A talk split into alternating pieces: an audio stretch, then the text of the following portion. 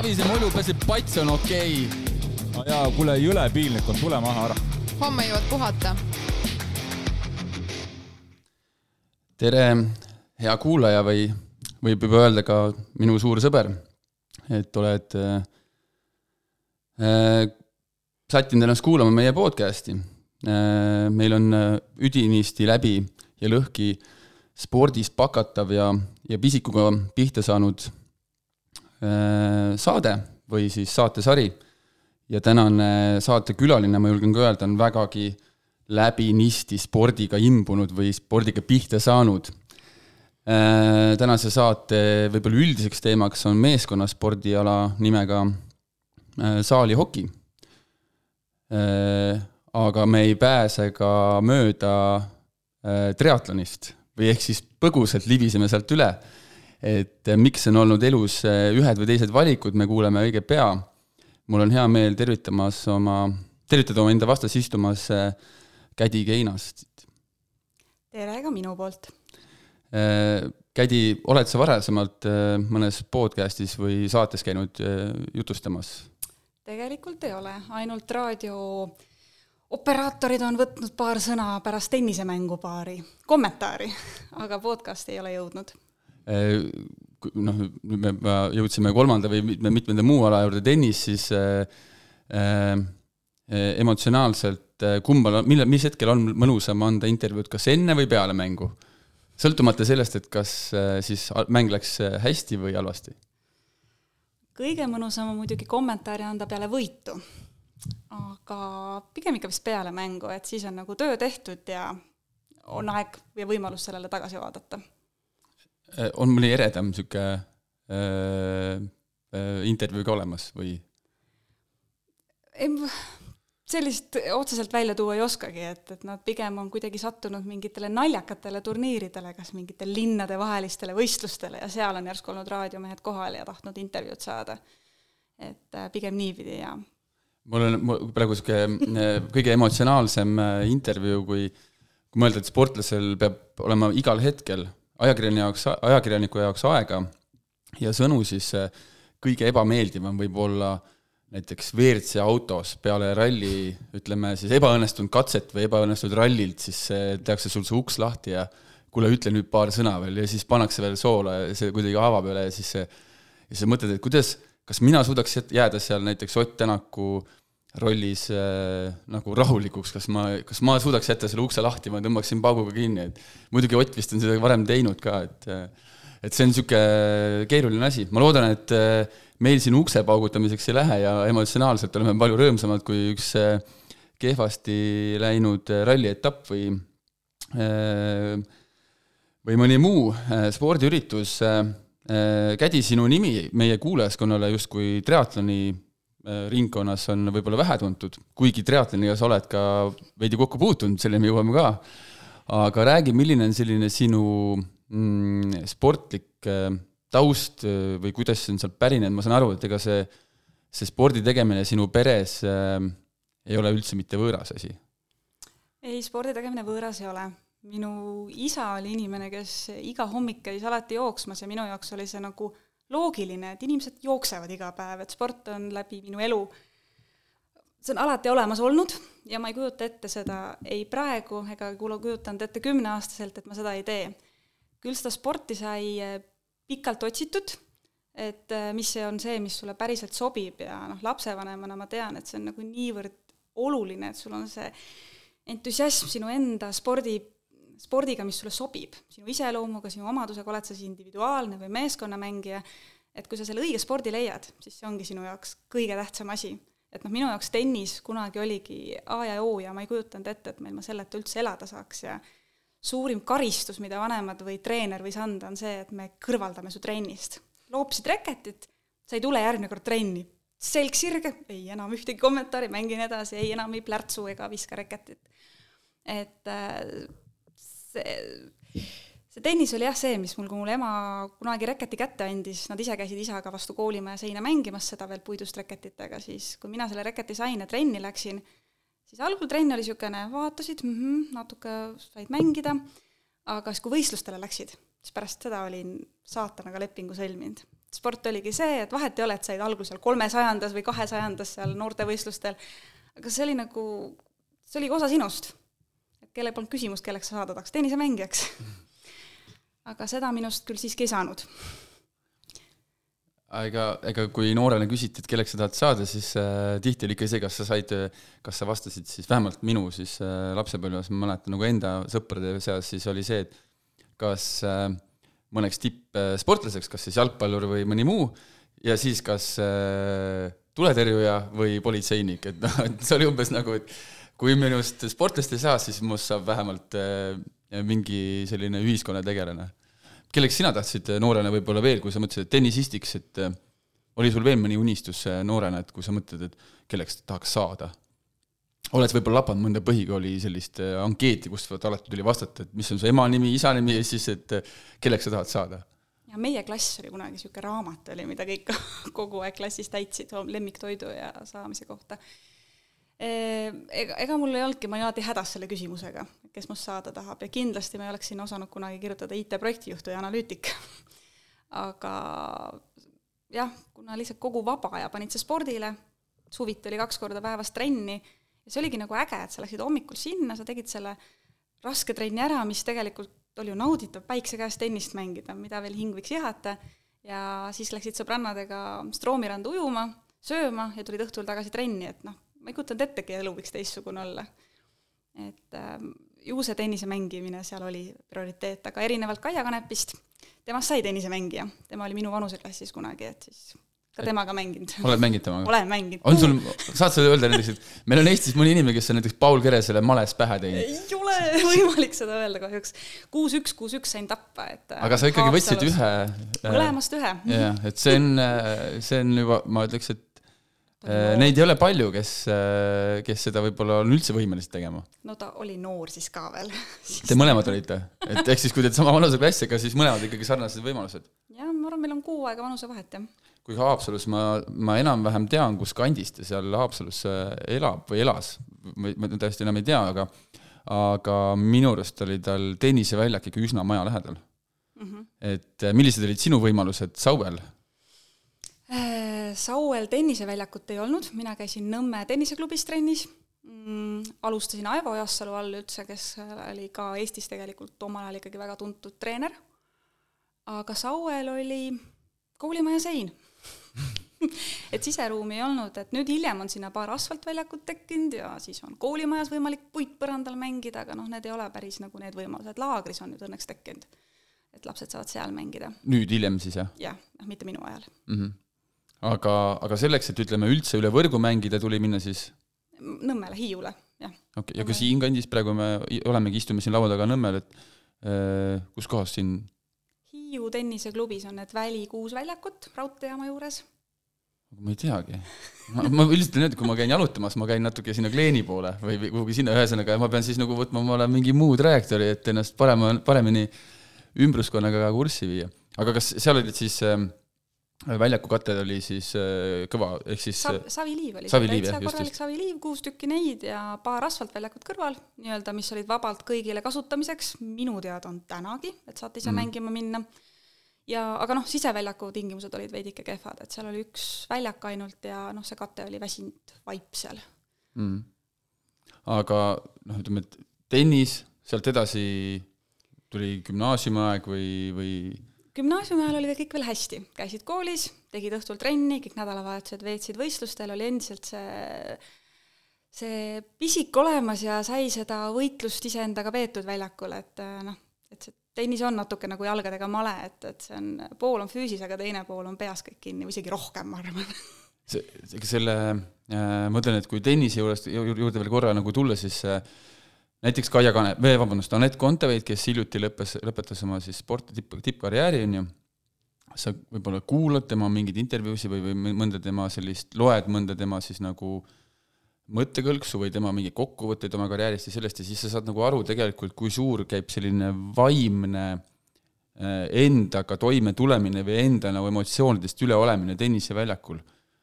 kas see on olnud nagu selline asi, mis, millele täna, täna tagantjärgi mõtled, et see võis olla niisugune niisugune kasvataja, et niisugune distsipliin, sa pead nagu oma emotsioonid alla suruma, et siin väljak, väljakul noh, et et see, noh, tennises on ju tegelikult üks game saab läbi, sa saad äh,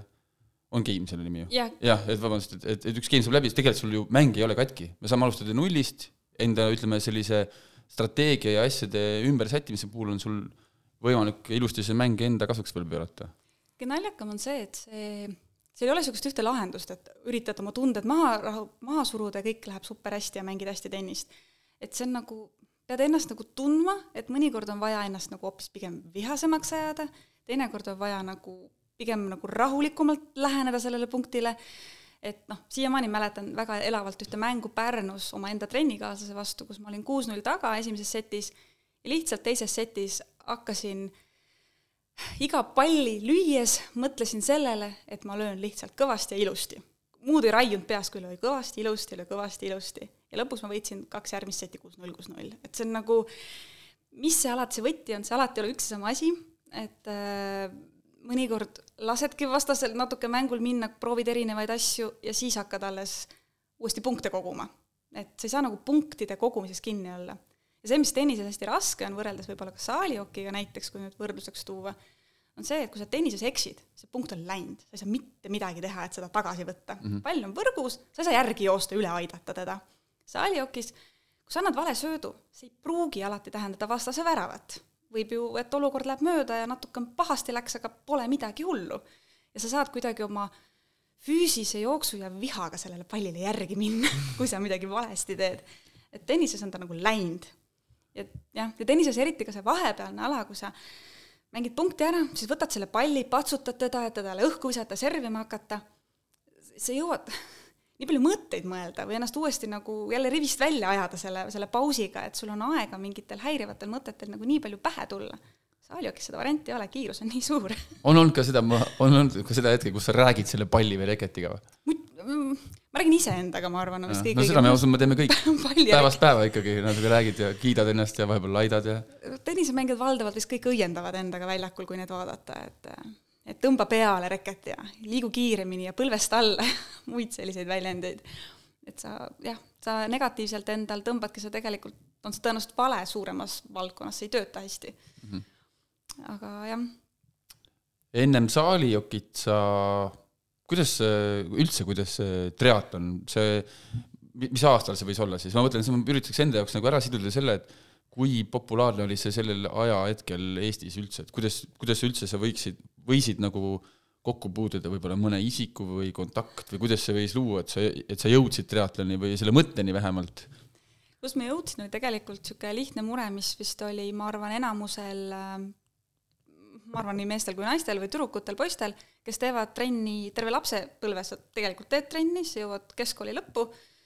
lähed ülikooli, lähed tööle, aega on vähem ja tegelikult on nagu need lastevõistlused on ka läbi saanud. see on see, see on see hea lause ka, et elu tuli peale. no see on, see on, see paratamatult jah, ja see on ka võib-olla niisugune nagu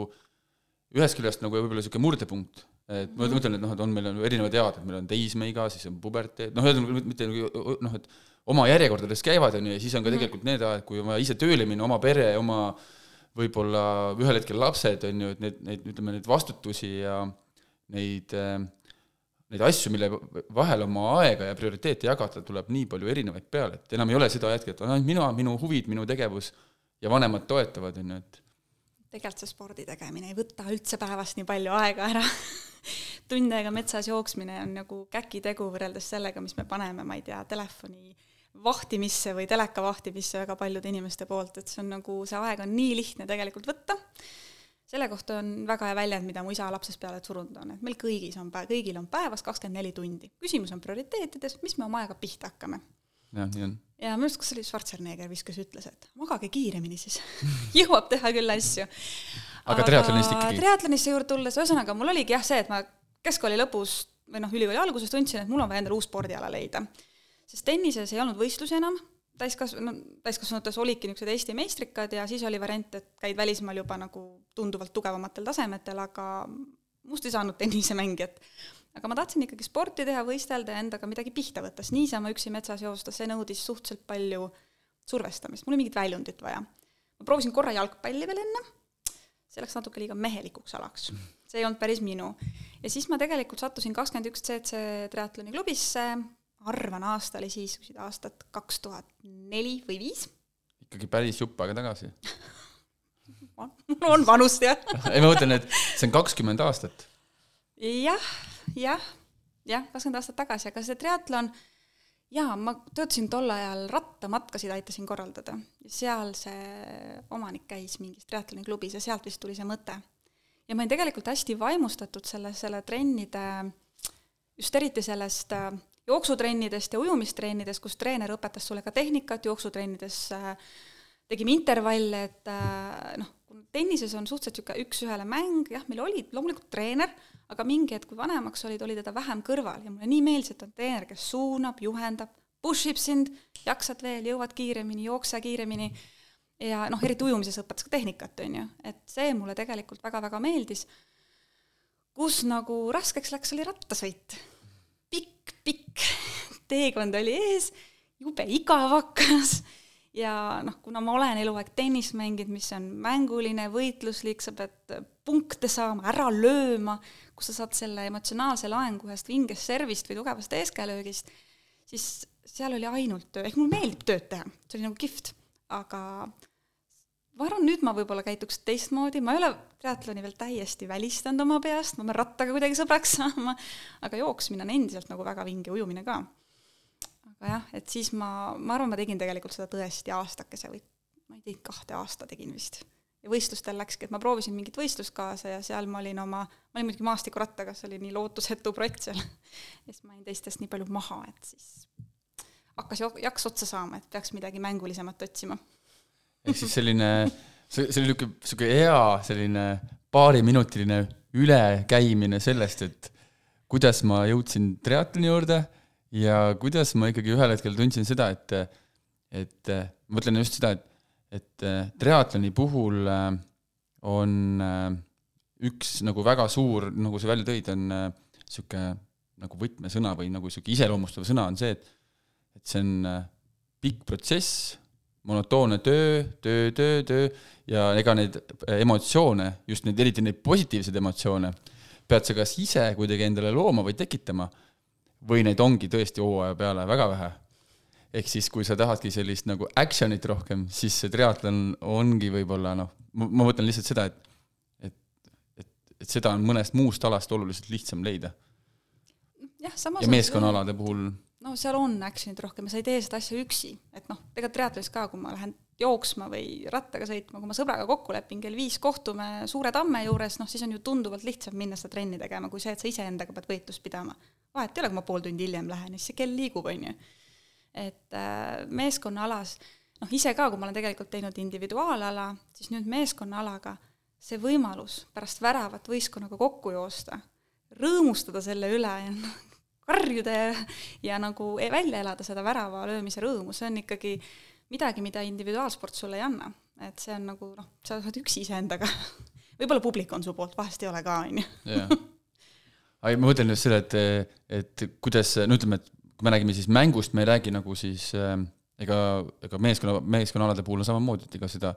nii-öelda neid mänge ja turniire on ju mingi noh, aja hetke, hetke tagant siis kas nädalavahetustel või see, siis äh, et ka juba treeningud on oluliselt rohkem niisugused elavamad mm, -hmm. et mhm. niisugused nagu emotsioone rohkem pakuvad. ma hakkasin nüüd mõtlema seda, et igal mängijal on, ma võib-olla natuke rutan ette, aga mis sest, võib-olla see hiljem ei tule mulle enam pähe, on see, et äh,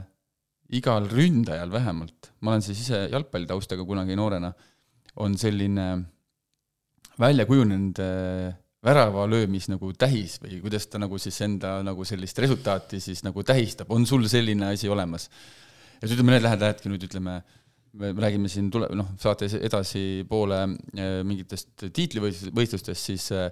kui noh, ütleme, ma lähen nüüd sinna tiitlivõistlusesse, siin mängus värava löönud, siis ma lähen sinna, teen seda, et mul on nagu niisugune äh, oma rituaal olemas, on sul selline asi olemas? Mul vist nii vingeid rituaale ei ole, et ma vaatan oma noorema poja pealt, kes Floras mängib äh, jalgpalli ja seal on pärast väravalöömist igal tüübil ikka mõne tuntud tippsportlase pealt mingisugune tähistamine välja valitud ja selle järgi, kes teeb tibutantsu ja kes paneb käed äh, puusa või kuidas iganes nad seal teevad, et selles mõttes, et sellist ma arvan, ma hüppan lihtsalt õhku käed püsti ja jookseme keskele kallistama või noh, meil on see mm. komme, et me jookseme kõik pundis siis väljakule, ka need, kes nii-öelda vahetuspingil tol hetkel olid, et see on niisugune saalioki väljaelamise viis, et äh, ei mul oma ja ma olen vaadanud näiteks, et äh, võrkpall on selline spordiala, kus äh, väga palju üksteist patsutatakse yeah,. Yeah. küll tagumikust ja küll vastu kätt ja pannakse õlle sellele triatloni puhul on nagu see, et keegi ei tule mind äh, kuskilt patsutama, et pigem on nagu see, et ma ei tea, hea, kui keegi ütleb sulle hästi, halvasti öeldakse ikka teinekord, on ju, või pannakse puid alla, aga et umbes niisugust patsutamist, äh, seda jah, nagu individuaalspordi alal on vähem. ühesõnaga, tegelikult niisugust üleminekut, miks sinust ei saanud triatleeti vähemalt tänaseks päevaks, see, see meil on nüüd selge, on ju. aga äh, selline üleminek sujuvalt saalijokile, minul on eelnevalt tegelikult ma hakkasin mõtlema, et on, kas ma tean mõnda saalijookki mängijat, kas või vara, varasemas, siis ma tõesti isegi tean ja kui ma sinu nime panin äh, siis Facebooki korra vaatasin, et ahaa, et kas meil on siis ka mõni ühine tuttav, siis täpselt need nimed, keda ma mõtlesin, on ka siis nagu, ehk siis see kogukond on üsna väike.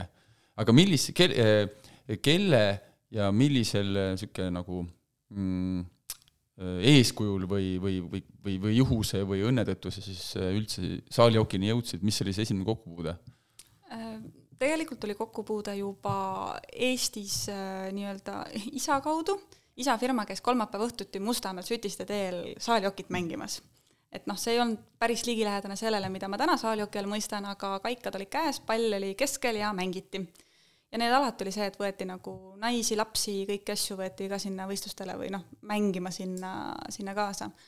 aga ma arvan, see pea, aga noh, siis ma olin noor, proovisin seda lihtsalt oma lõbuks, vahetevahel tegin mingit lisatrenni aga ma elasin Rovaniemis pool aastat äh, ülikooli kõrvalt ja noh, ma Soomes... sõidan nüüd äh, ülehomme Lapimaale, nii et Assa, seal on ilus, seal on väga ilus. miinus kolmkümmend oli eile. aga, aga räägi edasi, ma pidin ja. lihtsalt ütlema seda. ei, seal, ja seal oligi sellesama miinus nelja, neljakümne seitsmega, mida mina mäletan, seal mängis isa oma väikse pojaga mm, autoplatsil sel ajal, kui ema käis poes, mängiti saalijokit sellesama lume peal tossudes ja saalijoki käikad, kaikad käes et seal on see nagu noh, niivõrd rahvussport ja noh, soomlased ja rootslased ongi ju maailma parimad, on ju, et äh, seal oli igas ülikoolis mitmeid gruppe, kus sa said liituda, et noh, mingit sporti ma tahtsin teha, vaatasin ringi, võtsin mingid aeroobikatunnid, noh, need olid suht igavad, siis ma leidsin saaljokipundid üles, et nii naiste omad, segavariandid, ja seal sain esimest korda kaika kätte. ja kui Eestisse tulin, siis oli lihtsalt see, et, et põhimõtteliselt uurisin, et kas ja, kus, kus saaks ja, ja kus siis, jah tol ajal oli Tallinnas ainult üks klubi, oligi Saku Fortuna, mis ma noh, Tallinnas või noh, Tallinna lähedal, et siis ma läksin Sakusse mängima. et äh, see oli see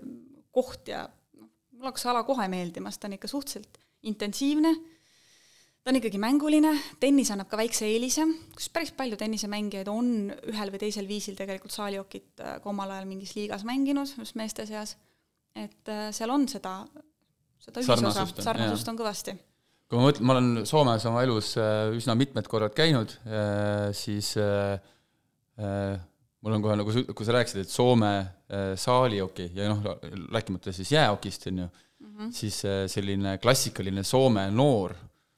käib ringi, tal on seljakott ja siis seal kuidagi vahelt ripub välja veel see nii-öelda hokikepp siis, kas siis on see saalihoki või siis Äh, jäähoki võib-olla siis aastaajast ka lähtub, ma ei tea, on ju, mhm. aga lihtsalt, et see, kui suure kandepin-, kui, kui suure kandepinna ja ütleme, sellise populaarsusega see seal riigis on, siis see on päris suur vahe. ehk siis, siis ka küsimus, et kui suur oli see vahe, et sa tulid nüüd ütleme, äh, sealt, okei okay,, põhjast Rovaniemist, seal on võib-olla see asi võib-olla vähem levinud kui võib-olla siin nagu allpool, aga ikkagi, ikkagi kui suur vahe oli see selle, ütleme, Eesti ütleme, tasemele naastes või tulles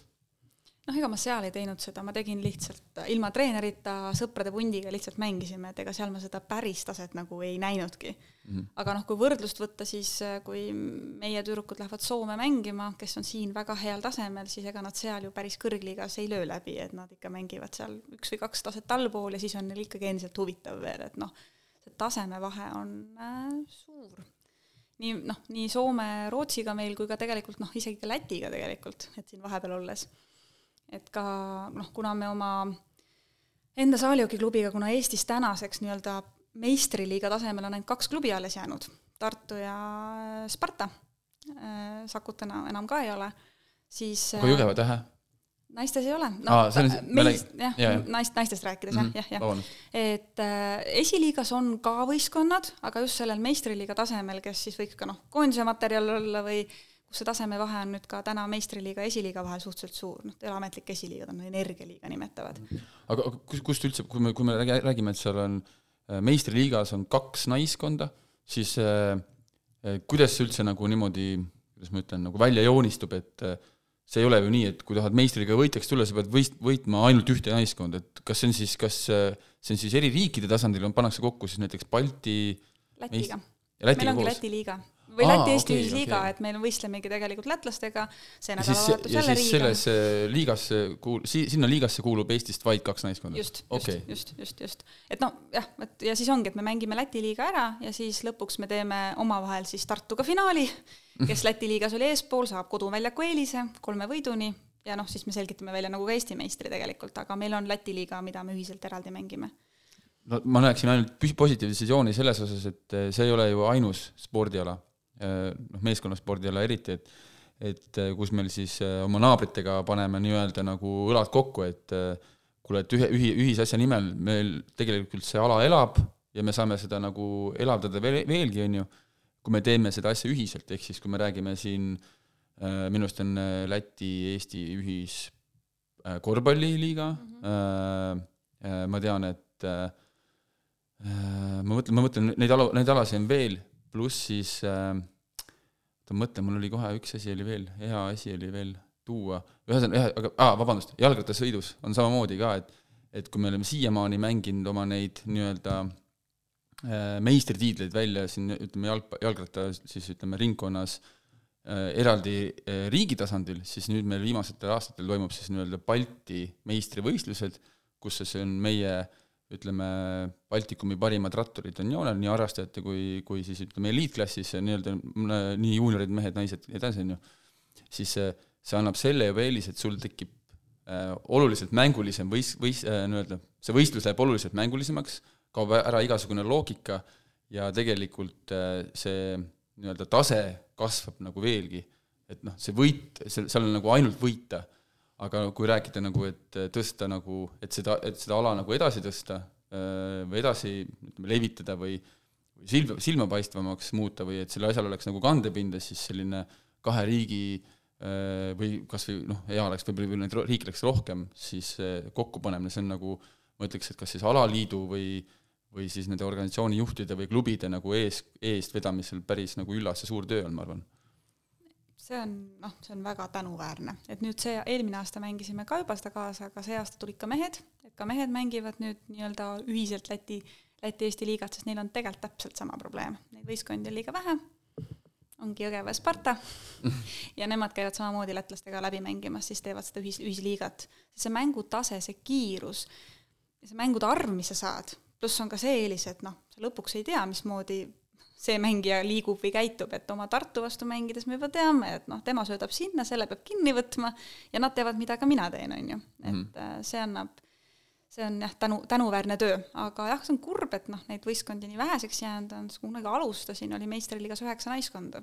tänaseks on järgi kaks. okei okay,, meil on tekkinud väga palju harrastust nagu liigasid, just niisugune natuke nagu noh,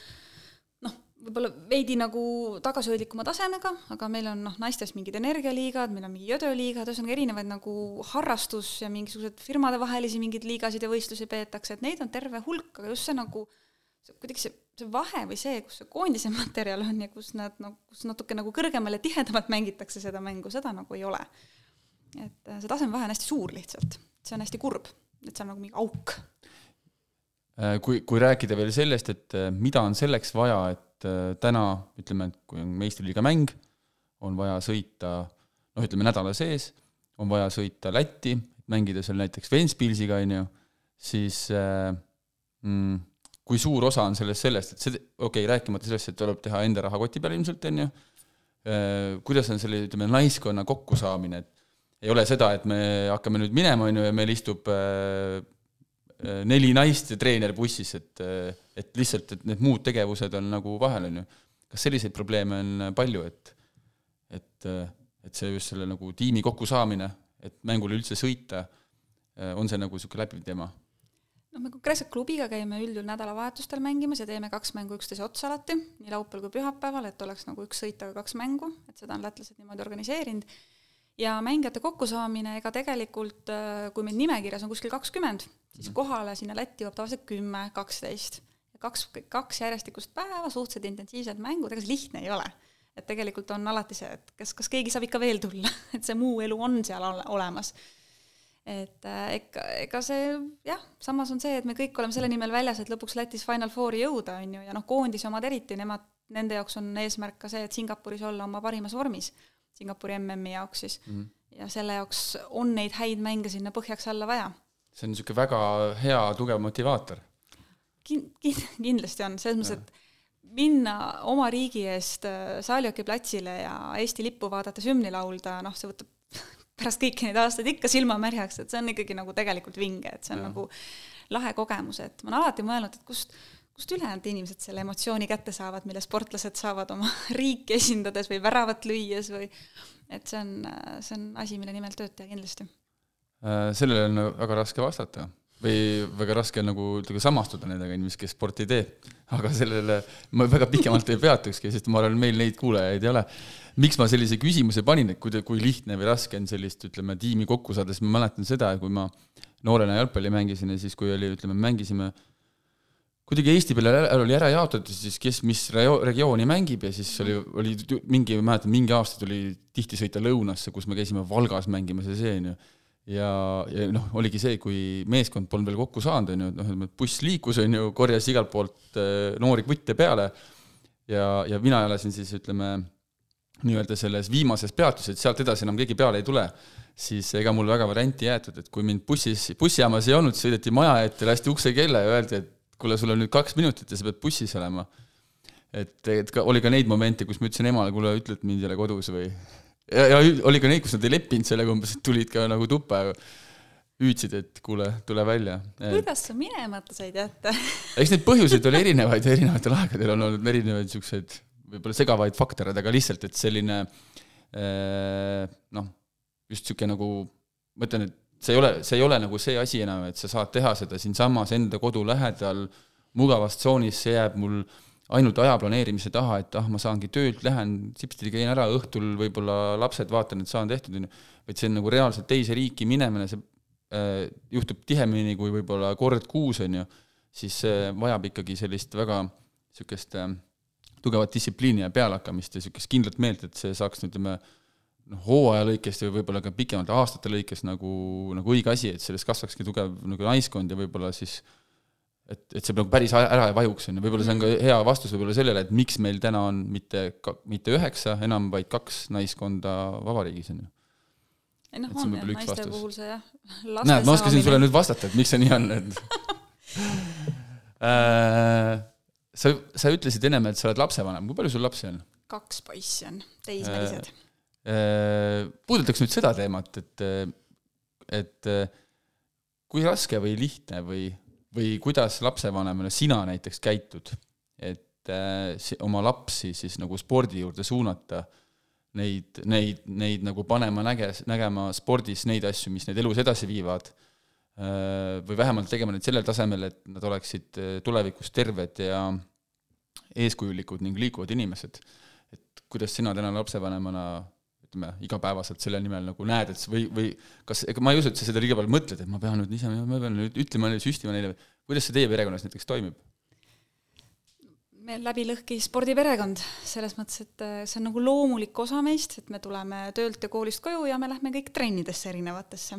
et äh, jah, noorem poiss on suht titest peale käinud jalgpallis, vanem poiss on oma spordiala otsinud, hetkel on ranna võrkpalli ja jalgpalli vahel jagab ennast. aga see on nagu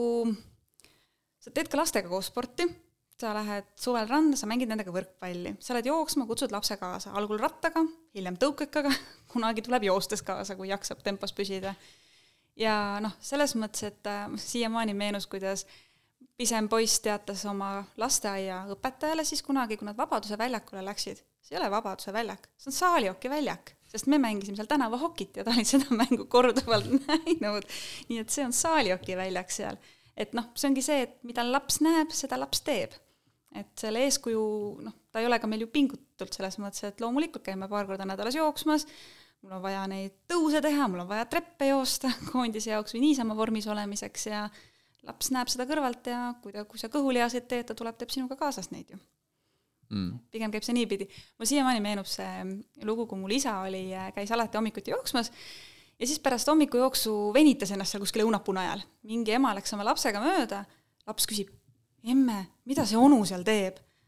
ma ei tea, vist teeb trenni, et see nagu oli midagi täiesti uut, et inimene painutab ja venitab ennast kuskil õunapuu ääres, et äh, laps, laps näeb seda ja siis laps teeb seda, et see ei tulegi nagu kuidagi eraldi, et noh, et noh, mul ei ole ka kunagi olnud olukorda, eriti nooremaga, et ta nagu trenni ei taha minna, jalgpall on tema elu.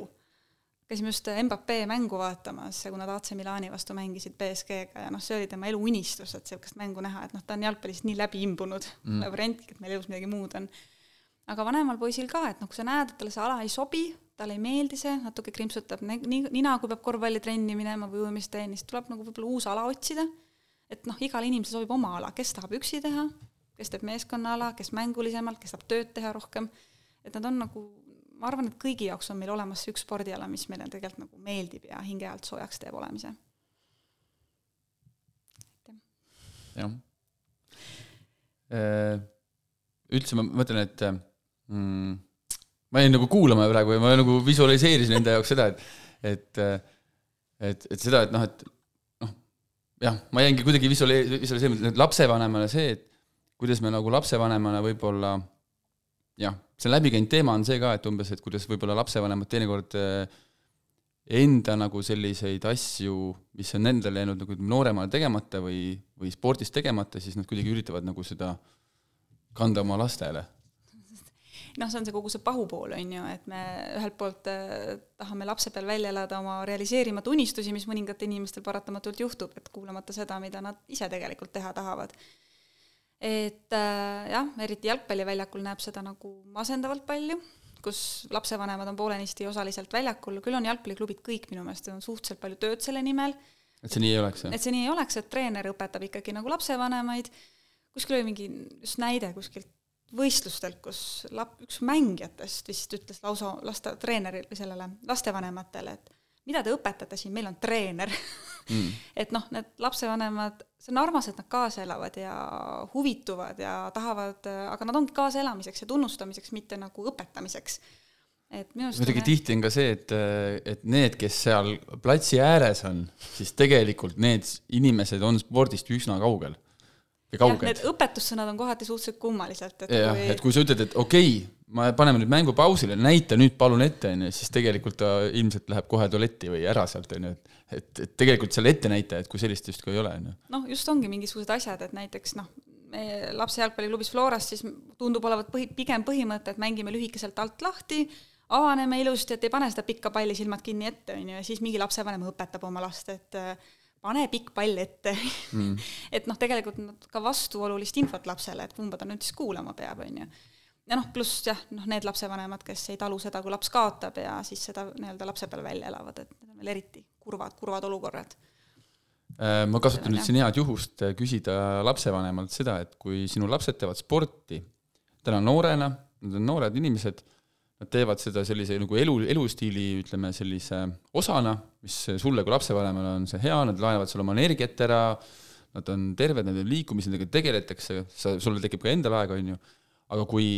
kui väga ja kas üldse näiteks sa täna lapsevanemana tahaksid, et sinu lastest või lapsest saaks tippsportlane, päris oma ala tipp? et kas sa oled mõelnud enda jaoks selle, kas see võiks olla üldse ühe lapsevanema unistus, et temast saaks tippsportlane? kui ma päris aus olen, olen, siis ma tegelikult ei taha. see elu ei ole lihtne,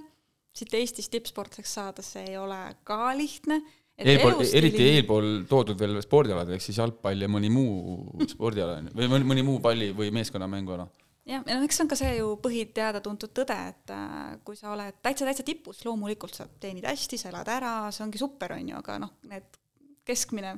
raamatupidaja, programmeerija elab ka ära, aga keskmine mm. sportlane ei ela ära. et äh, see on väga riskantne tee, samas kui noh, noorel on seda talenti, aga üks talendist ei piisa, kõike raha ja muud sinna kõrvale ka veel, on ju, et aga ma pigem olen lootnud, et sport on nende jaoks äge väljund, seal on sõpruskond, see õpetab elus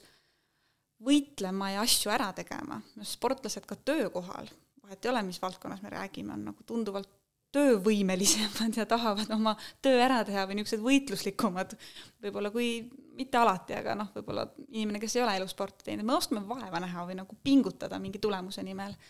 et äh, pigem ma tahaks, et seda näevad, pluss ma ütlen, noh, minu parimad sõbrad on tennisest. lapsest peale siiamaani käime oma tüdrukutega läbi. ja ma loodaks, et nad leiavad ka need sotsiaalsed sidemed just oma trennist, et siiamaani ongi, et kui sünnipäev on, siis kutsutakse kogu see võistkond kutsutakse ikka alati sünnipäeval, et nad on nagu nii läbi põimunud, et see on nagu lahe. et see ei ole ainult see liikumine, mis on igati vajalik, vaid see on ka see sotsiaalne pool. ja, ja niisugust nagu äh maailmavaadete ning jututeemade samastumist ei pea nagu ootama umbes, et keegi nüüd ütleks midagi, mis mind ka paeluks, vaid see põhimõtteliselt, see jutt lõpeb ühe kokkusaamise lõppemisega ja algab, kui me uuesti kokku saame, tihti. et niisugust igapäevasuhtlust mm -hmm. ei peagi olema, on ju.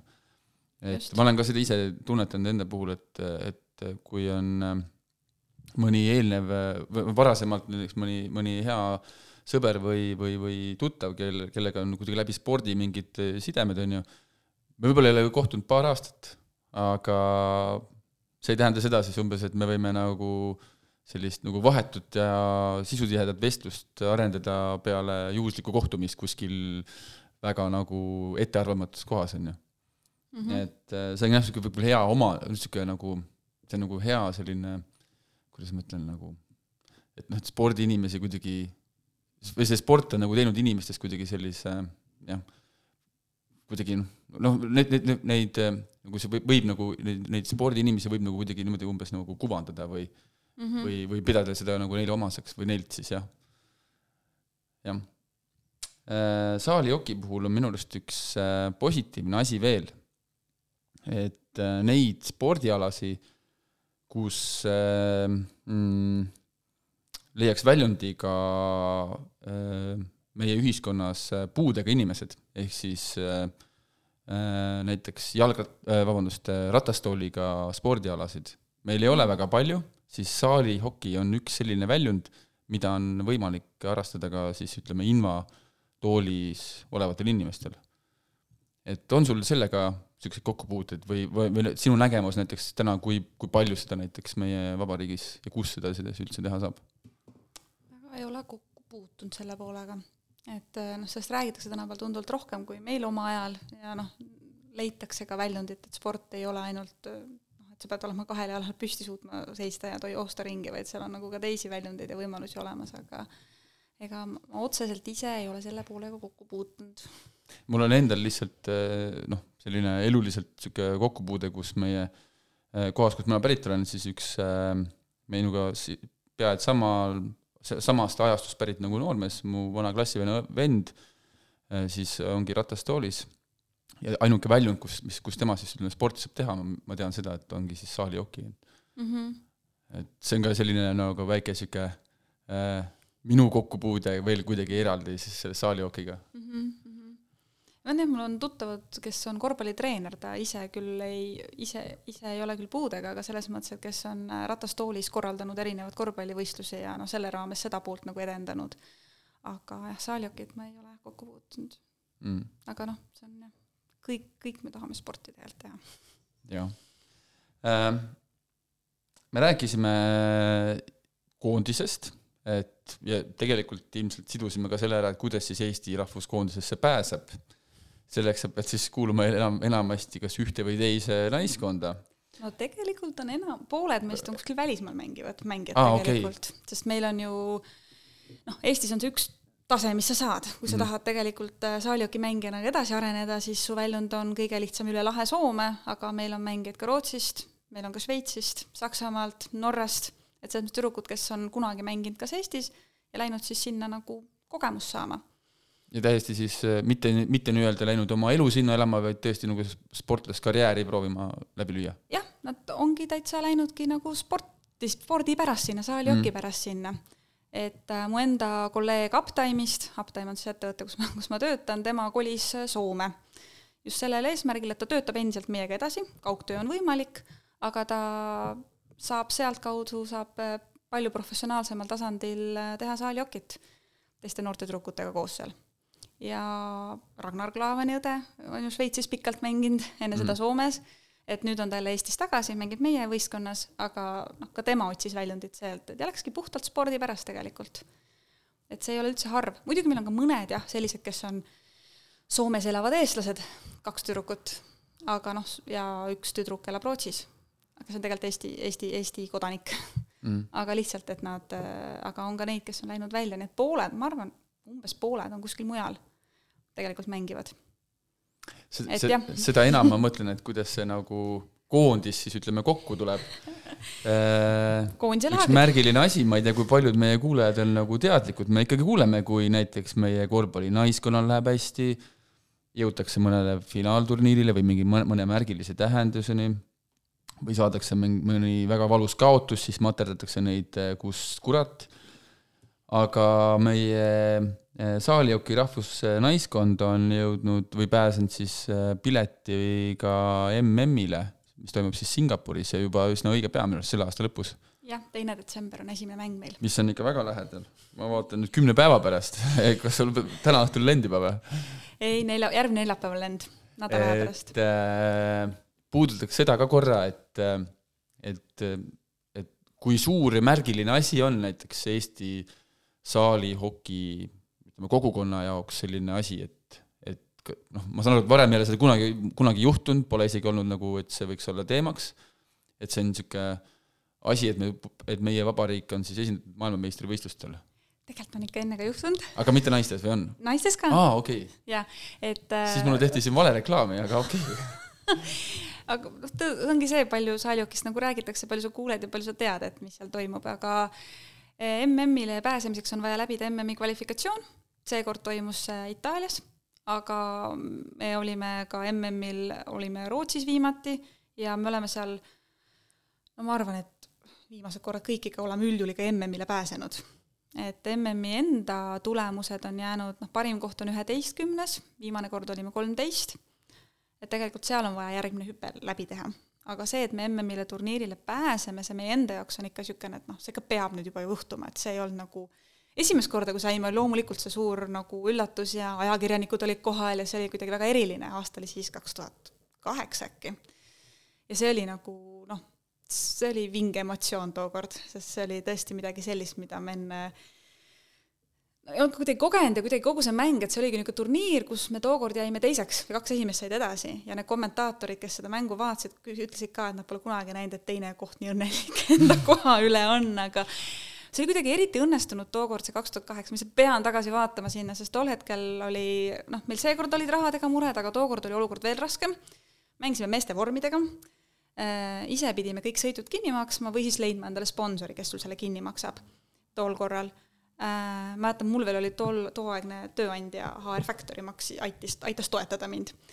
aga meil oligi ka see, et me ei saanud kogu võistkonda sellisel kujul kokku, keda me tahtsime, sest paljud tüdrukud jäid tulemata just rahalistel põhjustel,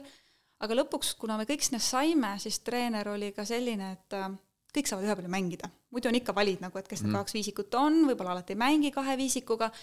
kuna kõik on maksnud, mind ei huvita, kõik mängivad kogu mängu et ei olnud omavahelist rivaliteeti kuidagi me kuidagi olime selles ühes majas, kõik koos, oli hästi armas külaliste maja, me olime kõik seal, üks elutuba ja noh, magamistoad siis, aga me olime kõik koos kuidagi. ja kogu see elustik ja olustik oli selline, et sellist meeskonnavaimu ma ei mäleta enne ega pärast seda, et, et see tahe, seal tehti küll pool võitu, tehti nagu platsi kõrval ära. ja noh, isegi tol korral võitis äh, Slovakkia selle võistluse, kes siis ka edasi sai ja Slovakkia on noh, tänaseks ka ikkagi maailmas seal kolmas, neljas, viies, et ikkagi väga kõval tasemel, on ju et äh, ühesõnaga, äh, kust see jutt alguse sai siis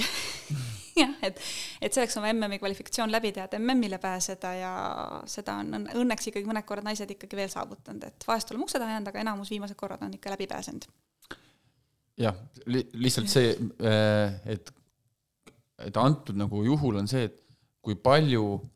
mis õnne, mis inimesi, mis kontakte, mida on vaja selleks, et üldse täna äh, ütleme sellise viieteistliikmelise või, või enam palju koondisse enam kuulub? tegelikult on kaheksateist pluss kaks, kaheksateist väljakumängijat, kaks väravahti. pluss siis veel personal ka, pluss eks ju veel? personal, et kolm et, et treenerit. selline üle kahekümne pealine seltskond, Eesti koondis, rahvuskoondis äh, saaks sõita äh, Eestit esindama maailmameistrivõistlustele Aasiasse, Kagu, Kaug-Aasiasse, Singapuri äh,. Mida on selleks vaja, kui sa täna võtad kokku, et teil on nüüd lähipäevadel minek, et äh, et mis töö on vaja selleks tehtud olnud, et ke-, kes on pidanud õla alla panema või, või, või kuidas see saab üldse ellu, ellu, ellu üldse nagu jõuda? nagu jah, paraku spordis ikka, siis rahal on oma oluline roll, eriti kui see sõit on nii kaugel, et äh, kindlasti osa, kes on andnud, see ongi väga kombinatsioon erinevatest äh, persoonidest, erinevatest organisatsioonidest, et äh, meil on ühelt poolt on äh, riiklikult suhteliselt palju ikkagi toetatud nii Tallinna linna kui Kultuurkapitali poolt. Äh,, Saalioki Liit on oma kontaktidega kindlasti väga suure töö ära teinud, aga teiselt poolt, kuna meil oli ikkagi veel suve alguses kakskümmend tuhat eurot puudu, veel suve keskelgi vist, siis algul oligi esimene ettepanek, et noh, iga mängija maksab tuhat ja sõidame, aga noh, see on ikkagi suhteliselt suur summa, eriti arvestades, et meil osad on ikkagi keskkoolilapsed seal, et sellist raha nagu kuskilt kokku korjata. et äh, ja lõpuks ongi, et, et äh, hakkasime ise sponsoreid otsima, minu enda tööandja Uptime pani äh, väga arvestataval viisil, pani õla alla, siis on äh, Cozy, Erpli, et noh, tegelikult on neid sponsoreid leitud tüdrukute enda töö tulemusena. Ja lisaks me avasime ka MTÜ konto just äh, saalihoki naiste, Eesti saalihoki naiste äh, toetuseks, millel tegelikult on natuke ka pikaajalisem plaan, et me ei, üks asi on saada Singapuri ja teha see üks võistlus ära, aga meil tegelikult on eluaeg olnud see, et noh, koondise laagrid toimuvad, me ikka oleme üritanud neid paari kuu tagant või kuus korra ikkagi korraldada, aga need maksavad raha, treenerid on Soomest, need peavad ka kohale tulema, tihti on nad enda oma rahadega pidanud siia tulema, omaenda tahtest ja huvist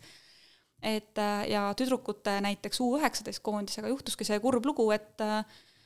otsustati, et nad ei lähe äh, nii-öelda MM-ile, sellepärast et rahasid ei ole ja on vaja naisi toetada ja naiste eest maksta, et äh, see tuli natukene šokeeriva uudisena, et seda nagu väga ei arutatud, lihtsalt öeldi, et ei ole raha, isegi ei üritatud kuidagi kokku saada, kõrvaltvaatajana tundub, äkki ma teen liiga kellelegi, aga et meie pigem pikem soov on jah see, et üleüldse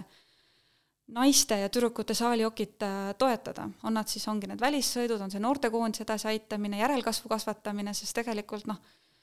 tüdrukute sporti saamine ja et nad seal en-, ennast väljendaksid, see on natukene, mulle tundub kohati keerulisem kui poiste oma. no Olles ikka ise-, no ikka rohkem kui kohati olles ise ka naiste treener olnud või tüdrukute treener olnud küll tennises, aga kuidagi jah, raskelt, see ei ole nagu väga tavapärane, poisid võtavad kõik trenni, aga tüdrukud kipuvad muid väljundeid otsima elus või siis jah, kuidagi ära kaduma sealt pildilt mingis vanuses. eks neid aspekte on nagu palju, et äh, sõltuvalt äh, spordialadele, see on nagu minu nägemus, sõltuvalt spordialadele on ikkagi, rõhutakse sellele, et äh, et erinevad spordialad on äh, äh, üks on siis, on rohkem, teine on vähem atraktiivsem, rohkem äh, pealtvaatajaid, äh, kandepinda, võib-olla mõni suur eeskuju, kuidas see, kuidas see nagu ühiskonnas nagu siis ütleme, pilti jõuab, on ju. Et, et see, seal on nii palju nagu erinevaid äh, aspekte ja siis kuhu täna ütleme, et kui on mõni sponsor, kes, või ütleme, mõni tõesti äge ettevõte, kes otsustab, et tahaks ühiskonnale anda, on ju, siis et, et ikkagi võetakse eelises, vaadatakse ikka neid spordialaseid, kus siis tõesti on neid jälgijaskond, on see suurem või kandepind on nagu laiem, on ju. et äh, et äh, enda puhul ma saan nagu ka korra selles mõttes samastuda, et ega triatloniklubi luues on äh, või üldse siis triatloniklubi Eestis ajades on väga suur roll on sponsoritel. et, äh, et, äh, et nende, nende, leidmine, nende kaasamine, nende niisugune järjepidevus äh, ja nende huvi nagu hoidmine on niisugune omaette asi, aga, aga neid õnneks inimesi, neid, neid inimesi ja ettevõtjaid ja neid entusiaste ja nii-öelda nagu oma äh, maailma parandamissooviga inimesi või noh, ütleme jah, neid neid on nagu õnneks meil ikkagi ühiskonnas on. ja tundub, et ka nii palju, et ikkagi rahvusnaiskond täna saab Singapuri sõita. saame, piletid on olemas neljapäeval lend läheb, et äh, jah, täna, täna on ta olemas, aga see on järjepidev töö, noh, see ei saa nagu otsa mingi hetk, et äh, nüüd, nüüd rohkem ei ole, nüüd on raha koos või nüüd on nagu saalijoki edendatud, et äh, see ongi asi, millega tuleb pidevalt tegeleda, et äh, sest noh, minu meelest just saalijokis on see nii lahe fenomen, et kui sa mängid seda mängu, see on suhteliselt lühikesed vahetused, suhteliselt intensiivne, et kui me räägime sellest, et eriti täiskasvanuna, et tööstress või kuidas sellest nagu kõigest vabaks saada siis noh, saaliokis ma võin minna sinna mõtetega, et hm, see kiri tuleb veel ära teha ja selle pakkumise peaks tegema, aga selle, selle asja üle testima või mis iganes, aga kui ma jõuan sinna platsile, siis ega mul nagu ma tulen pärast koju tagasi, mõtlen, ma pidin midagi tööd tegema, ega ma ei mäleta enam mida, sest ma olen noh, pea nii puhtaks saanud. et tegelikult see on nagu selles mõttes väga nagu intensiivne ja nagu niivõrd vabastav spordiala mm., et seda, seda niipidi nagu sellest niipidi kasu lõigata enda jaoks. jah, seda on äh, hea meel kuulda, et äh, muidugi noh, selles mõttes on halb kuulda, et kui sa ütleme, kvalifikatsiooniseerias äh, saad siis ütleme, saavutatud ütleme, punktid või siis ütleme, võidud kokku ja juba hümni aja, hümni laulmise ajal sa pead mängu lõpus mõtlema sellele, okei okay,, et me nagu piletid saime, aga kus me nüüd hakkame raha saama. et seda on nagu halb kuulata. aga teisest küljest, et et ikkagi niisugusele pidevale tööle ja ma ei mõtle siis nagu nii-öelda raha küsimist tööle, vaid see, et see aastast aastasse selline sisse käidud rada, et see ala ikkagi elab ja selle vastu on ka huvi nagu mujalt, välja arvatud siis ütleme mängijate poolt, et eks ta on ikkagi tehtud töö. ja ma arvan, et ka näiteks meie klubi puhul samamoodi, et miks meisse meie sponsorid või toetajad nagu usuvad meiega koos käivad, ongi see ka, et see on juba eelnevalt aastast, sina proovisid triatloni kakskümmend aastat tagasi ja tegelikult juba varem see ala on elanud ja kõik, kes on aastad, kes need inimesed ja ja klubid ning äh, ürituste korraldajad, sportlased, kes on seda nii-öelda need aastatepikkust rada käinud, on tänaseks andnud oma sellise äh, eeltöö selleks, et meie saame siit täna seda rada käia, on ju, ja kus, kes teab, on ju, kuhu see välja jõuab oma spo-, toetajatele, sponsoritele oleme ka seda öelnud, et noh, nii mõnigi on huvitatud olnud, et me võime teile nagu ka õpetada, kuidas see ala käib, et noh, tegelikult ongi, et noh, tihti sa ju töökollektiivis leitakse ja otsitakse ka võimalusi, kuidas siis oma töötajad rohkem koos aega veedaks, rohkem sporti koos teed ja teeks ja tervislikumad oleks, et et noh, me oleme ka välja pakkunud, me saame seda tehnikat õpetada, saame rääkida, kuidas see mäng käib, reegleid seletada, et tegelikult on see täitsa lahe väljund, mida pundiga koos ka töökaaslastel teha et noh, meil endal Uptime'is on ka see, et, et meil käib mingi punt squashi mängimas koos kogu aeg, mingi punt käib sulgpalli koos mängimas, isegi jalgpalli on koos mänginud, see küll lõppes mõningate vigastustega et siuksel, aga selles mõttes, et noh, sa nagu leiad neid võimalusi, et koos sportlikult aega viita, et inimesed otsivad tegelikult seda varianti, et noh, mida nüüd koos teha. et noh, või siis kas või tennis, et me oleme ka, ma olen ka tennist omaenda inimestele nii-öelda õpetanud seal Uptime'is, et kuidas need löögid ja asjad ikkagi käivad, et noh, tennis on lihtsalt hästi tehniline ala, et selle omandamine, et sa sellest mängust mõnu tunneksid, võtab natuke rohkem aega, eriti kui sa ei ole võib-olla lapsena midagi teinud, mis koordinatsiooni on nõudnud. et kui sa oledki nagu spordikauge olnud, siis on see nagu raskem, aga saalijokis mulle tundub see natuke lihtsam, et ta natuke ka selle laste kehalise tunni jalgpallifenomeniga, et pall on keskel ja kõik saavad joosta, vahet ei ole, et ta väga palju palli ei saa, et sa saad nagu osa ikka sellest tegevusest. Ja noh, saalijookki on, sul on vaja ainult tosse ja nojah, okei okay,, kaigast, aga noh, neid, neid nagu ka leiab, et, et, et ei ole nagu noh, nii kallis ala nagu autosport näiteks, on ju. et no neid spordialasid, mis äh, äh, siis ütleme, rohkem vahendeid ja kas lõpuks ka ruumi nõuavad, et selleks, et äh, ma ei tea, triatloniga tegeleda, peab olema ka ruumi, et neid oma varustust siis kuskil hoida, hooldada ja et sellega tegeleda, on ju. et siis, ma ei tea, alad, kus on siis vaja tegelikult üksikuid asju, näiteks nagu jooksu või siis ütleme, jalanõud, noh, elementaarsed spordiriided, on ju, siis mänguvahend, on ju, see on hea ala või hea, hea nagu valik, mida siis ara-, harrastada või või ütleme, seda saalijooki keppi on ju pagasnikus alati võimalik hoida. jah, on, on. mulle ei meeldi küsida ma võib-olla isegi siis ei küsi, et millised on need ootused siis maailmameistrivõistlustel? kas siis küsin ma, ma küsin siis ikkagi, ma ikkagi küsin noh, tegelikult on üks suur-suur unistus, mis meil tegelikult on ja mis, mis, mis võiks ükskord nüüd ära realiseerida, aga see on kindlasti hästi raske, on see, et me tahaks ikkagi esikaheksasse saada. mis siis nõuab seda, et meil alagrupis on vastas äh, USA, Jaapan, Taani, seal peaks siis noh, eeldatavasti, loodetavasti ütleme, esimese kahe sekka tulema, parem oleks, kui esimese, esimeseks saad, sest siis sa saad järgmise vastase vähe nõrgema. aga sealt edasi siis äh, Läti, Norra, et äh, nad, nad on kõik rasked vastased, et äh, no maailma MM-ile minnes, ega seal ilmselt jah, niisugust läbikäiguhoovi ilmselt ei ootagi, jah. just, just. aga noh, ma ütlen, et nädalavahetusel äh, eelmine, üle-eelmine, mängisime just Läti koondisega, tegime ko-, sõpruskohtumised või noh, kontrollkohtumised täitsa ametlikud lau-, äh, reedel kaotasime, aga laupäeval suutsime teistkordselt neid võita, ehk siis üle ajaloo teistkordselt nii-öelda üldse alles. et mis annab väikse niisuguse lootuse kõrre, et äkki on mingid asjad õiges suunas liikumas ja me oleme valmis seda järgmist sammu tegema, et äh, treenerite poolt on see suur soov, et me jõuaks esimese kaheksa sekka, see on meie jaoks kordaminek. Mm.. et äh, noh, üksteist on meie parim koht, aga tahaks selle võiks ikkagi üle teha, on ju? jah, selle võiks üle teha, aga see on no, spordiinimese mõtlemine on see, et ega kehvemaga ikkagi me täna ei lepi jah, et eriti kuna noh, mis mind ennast hästi hirmutab, on see, et meie esimene mäng on äh, kakskümmend kaks tundi pärast lennuki maandumist, mis on siis juba avavile, rääkimata sellest, et me lennujaamast otse läheme trenni, meil on ajavahe, meil on pikk mm. lend vahepeal olnud ja vastaseks on kohe USA koondis, keda me oleme kaks korda lisaajal võitnud, mis tähendab, et noh, tegemist ei saa olema mitte kuidagipidi lihtsa mänguga, et võidetav vastane, peame võitma, aga me oleme kaks korda neid lisaajal võitnud, et see see on, hirmutab nagu, nagu kõige, kõige rohkem võib-olla, et kas me oleme füüsiliselt ja vaimselt valmis siis seda, seal seda oma head esitlust tegema, sest meil on viimane võistkond, kes kohale jõuab sinna turniirile. ka see kodutöö on tehtud? ka see kodutöö on tehtud, selles ja. mõttes meil on Soome treenerid on äh,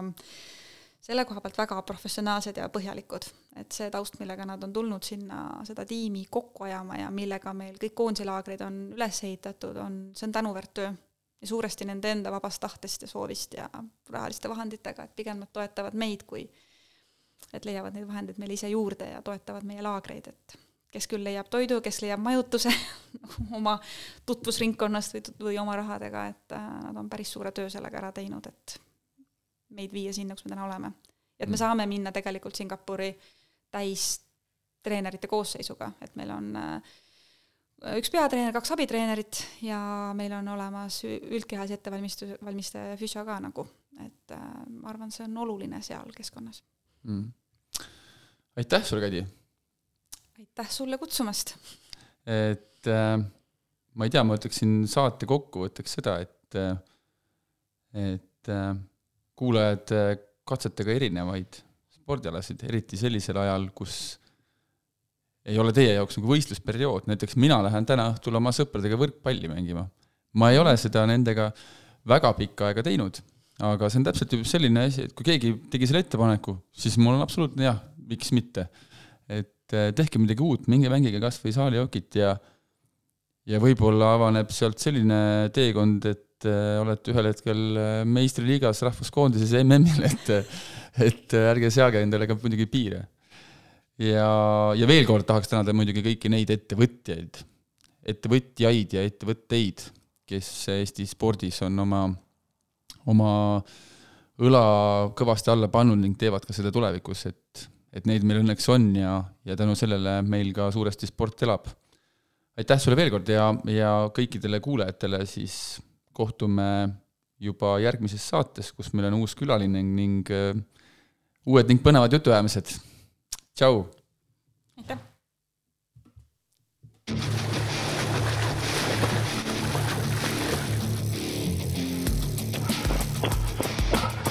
Savise mulju peseb pats on okei okay.. no jaa, kuule jõle piinlik on, tule maha ära. homme jõuad puhata